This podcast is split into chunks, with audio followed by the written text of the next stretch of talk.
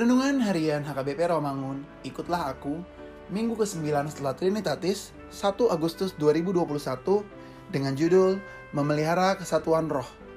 Kebenaran firman Tuhan yang menjadi ayat renungan kita hari ini tertulis dalam Efesus 4 ayat 1 sampai 7 yang berbunyi Sebab itu aku menasihatkan kamu, aku orang yang dipenjarakan karena Tuhan, supaya hidupmu sebagai orang-orang yang telah dipanggil berpadanan dengan panggilan itu. Hendaklah kamu selalu rendah hati, lemah lembut dan sabar. Tunjukkanlah kasihmu dalam hal saling membantu dan berusahalah memelihara kesatuan roh oleh ikatan damai sejahtera. Satu tubuh dan satu roh, sebagaimana kamu telah dipanggil kepada satu pengharapan yang terkandung dalam panggilanmu. Satu Tuhan, satu iman, satu baptisan. Satu Allah dan Bapa dari semua. Allah yang di atas semua dan oleh semua dan di dalam semua. Tetapi kepada kita masing-masing telah dianugerahkan kasih karunia menurut ukuran pemberian Kristus. Demikian firman Tuhan.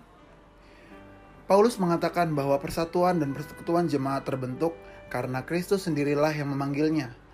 Kita telah dipersatukan dan persekutuan itulah ada anugerah Tuhan kepada kita. Persatuan, kesatuan maupun persekutuan tersebut perlu kita pelihara. Perlu lebih dikukuhkan agar hal tersebut dapat terwujud.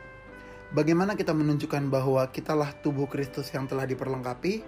Tentu untuk mewujudkan hal ini, bukanlah hanya tugas pejabat gereja saja, melainkan seluruh warga jemaat. Harus mendukung dan berpartisipasi apa yang dapat kita lakukan. Kita semua akan menjadi subjek dalam pembangunan jemaat. Tujuannya agar semua warga jemaat mencapai kesatuan iman dan pengetahuan yang benar tentang Allah serta kedewasaan penuh dalam Kristus Yesus.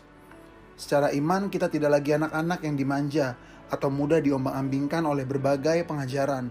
Kita harus mampu berpegang teguh kepada kebenaran, dan kita harus bertumbuh di dalam segala hal, dan mengarahkan pandangan kita yang jelas kepada Yesus Kristus, sehingga pada akhirnya gereja yang diibaratkan sebagai bangunan atau tubuh Kristus akan tetap menjadi rapi tersusun, sebab ia diikat menjadi satu tubuh oleh keikutsertaan seluruh warga jemaat, sesuai dengan karunia masing-masing yang telah kita terima dari Tuhan Yesus. Amin. Marilah kita berdoa. Ya Tuhan, ajarlah kami untuk tetap memelihara kesatuan roh dalam diri kami, sebagaimana kasih karunia yang telah kami terima dari Engkau. Amin.